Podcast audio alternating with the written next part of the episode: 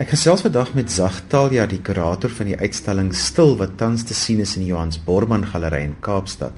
Zag die uitstalling het uit 'n baie mooi oop en evokatiewe titel Stil. Vertel ons bietjie meer daarvan. Wat ons eers dan begin het, ons begin met 'n paar stil lewens wat ons gevoel het ehm um, baie interessant is. En toe ons graag die ehm um, tema bietjie uitbrei met die woord stil homself um, en dan die werke wat ons op so geselekteer het vir die uitstalling is als iets wat die woord stil uitbeeld op 'n ander manier ook of in 'n tipe manier versinne beeld. Nou 'n unieke aspek van die uitstalling is die insluiting van beide ou meesterwerke en kontemporêre werke. Gesprekke vind dus plaas tussen werke wat andersins baie min plaasvind in kommersiële gallerye. Hoekom het julle hierdie ongewone stap geneem? Die galery Johannes Borman is bekend vir um, ou meesterswerke as um, ons soort van hoof hooftema in die galery. Dit is werke wat ons spesialiseer. En wat ons probeer doen is om 'n bietjie meer hedendaagse gevoel te skep met die galery deur 'n um, kontemporêre werk buite buite sit en dit soort van dan af te speel teen mekaar. Nou die stillewe genre het seker sy hoogtepunt in die 17de eeu gehad in Nederland en daar word baie dikwels verwys na die Dutch Golden Age in die westerse kunsgeskiedenis. Dit is nou interessant dat verskeie skilderye in hierdie uitstalling die tema van huislikheid in konteks van die kombuis ondersoek, net so skilderye van die 17de eeu. Vertel ons so 'n klein bietjie meer hiervan. Ja, ek het gister nogal daaroor gedink, die idee van 'n kombuis stil lewe of wat mense op hulle tafels kon sit in 'n sekere tyd, het 'n groot invloed gehad op hoe ons stil lewe sien, veral in die in die Hollandse um, stil lewe lewens. Ehm um, dit is gewoonlik gebruik as 'n idee van wat mens kan bekostig en waar die reise heen gegaan het en watter nuwe kossoorte hulle by hulle tafels kon voeg. Wat nog interessant is vandag het ons met ons selfoonkultuur ehm um, hierdendaags allerhande ehm um, stil lewens afneem veral met Facebook op ehm um, waar mense hulle hulle kos vir die dag vir van vir almal wys waar hulle geëet het of so. En wat ek nog interessant gevind het met die met die kombinasie van die kontemporêre met hierdie ou ehm um, ou ehm um, tema is dit dat ons nog vandag nog in allerlei opsigte ons ehm um, kombuis lewens ehm um, vermoderniseer in opsig ehm um, met ons selfone en so voort. Nou daar's 'n paar werke op die uitstalling wat die tradisionele blomste lewe ondersoek, maar daar's ook 'n paar werke wat vernuwing in hierdie genre bring. Vertel ons 'n bietjie meer van hierdie spel tussen tradisie en vernuwing in die werke.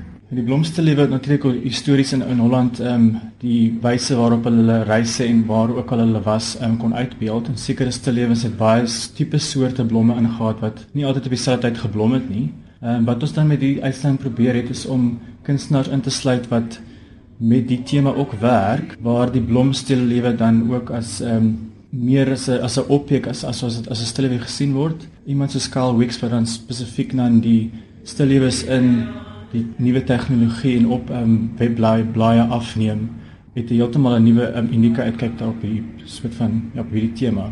Nou verskeie van die stillewes ondersoek hier rangskikking van objekte, weet van ons koloniale verlede. Kan jy vir ons luisteraars 'n bietjie verduidelik hoe die werke dit doen? Ja, Suid-Afrika so, so het 'n baie interessante agtergrond want kom ook ons het natuurlik ons histories het ons ons um, Nederlandse invloed en veral met die die skepe wat hier aangeland het en waar Kaapstad natuurlik oorspronklik vandaan kom is met die VOC. Ehm um, en hierdie tema het ons probeer ehm um, her um, interpreteer met werke deur Henk Serfontein spesifiek wat ek nou kan an, kan voorbeeld gebruik.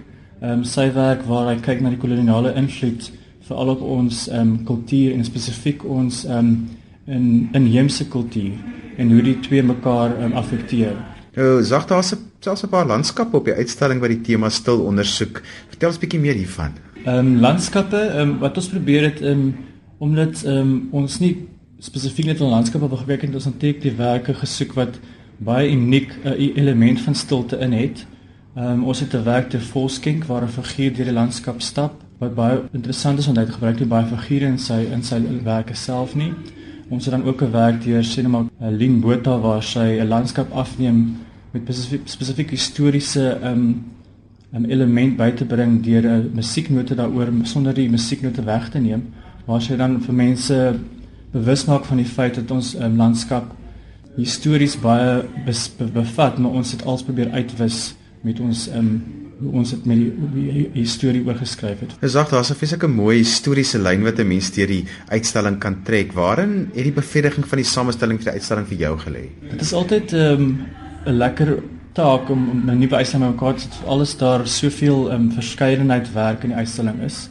Ehm um, die bevrediging natuurlik altyd is om soveel verskillende werke bymekaar te kon sit um, in 'n een spasie waar hulle altyd almal met mekaar kompeteer en wat dan die, die uniek is dat die die storielyn dan heeltemal rondspring van kamer tot kamer in die werke en die en die kunstenaar self met met um, al meesters afgespeel um, word en in die opsig word mens dan interessante ehm um, kan mens interessante konklusies kry deur na werke langs mekaar te sien.